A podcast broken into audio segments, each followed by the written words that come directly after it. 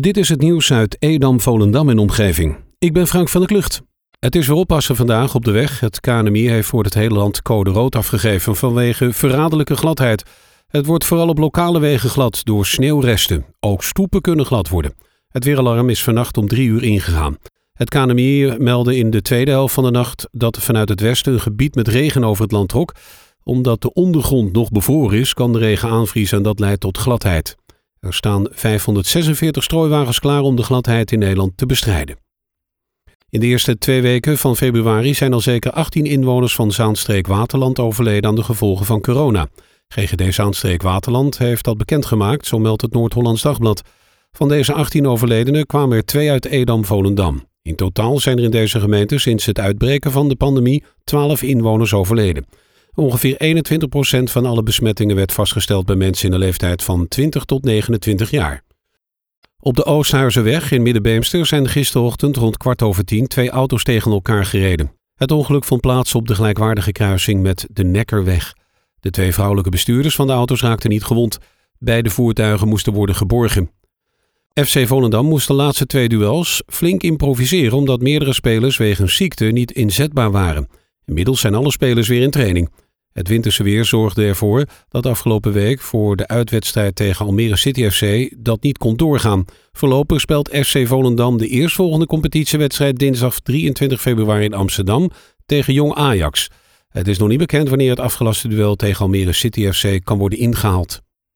De komende weken verstuurt de gemeente Edam-Volendam een aanslagbiljet gemeentelijke belastingen WOZ-beschikking. Inwoners die gebruik maken van de berichtenbox op Mijn Overheid ontvangen het aanslagbiljet niet meer op papier. De berichtenbox is een persoonlijke, beveiligde postbus voor digitale berichten van de overheid. In de berichtenbox kan je digitale berichten ontvangen, bewaren en beheren.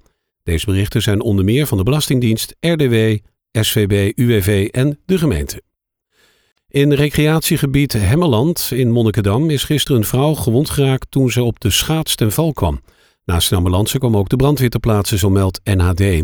De hulpverleners verzamelden zich op het strandje. Het slachtoffer is door de hulpverleners met een soort ijsbrancard naar de ambulance gebracht.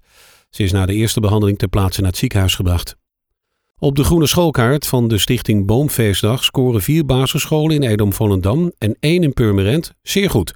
De meeste andere scholen, 46 stuks, in de Waterlandse gemeente scoort middelmatig. Slechts drie scholen in dit gebied scoren onder het landelijk gemiddelde.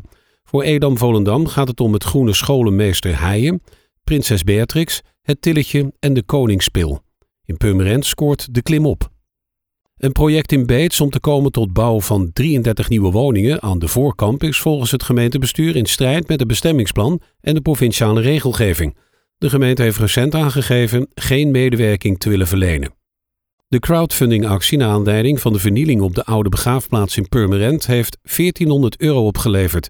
Alex Vallendgoed, oprichter en voorzitter van Stichting Behoud en Herstel Oude Begraafplaats, ontdekte de vernieling aan 23 graven.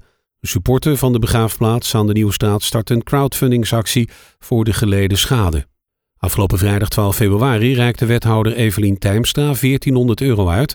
Een klein overig bedrag was door gullegevers direct overgemaakt naar de bankrekening van de stichting. Tot zover het nieuws uit Edam, Volendam en omgeving. Meer lokaal nieuws vindt u op de Love Kabelkrant, onze website of in de app.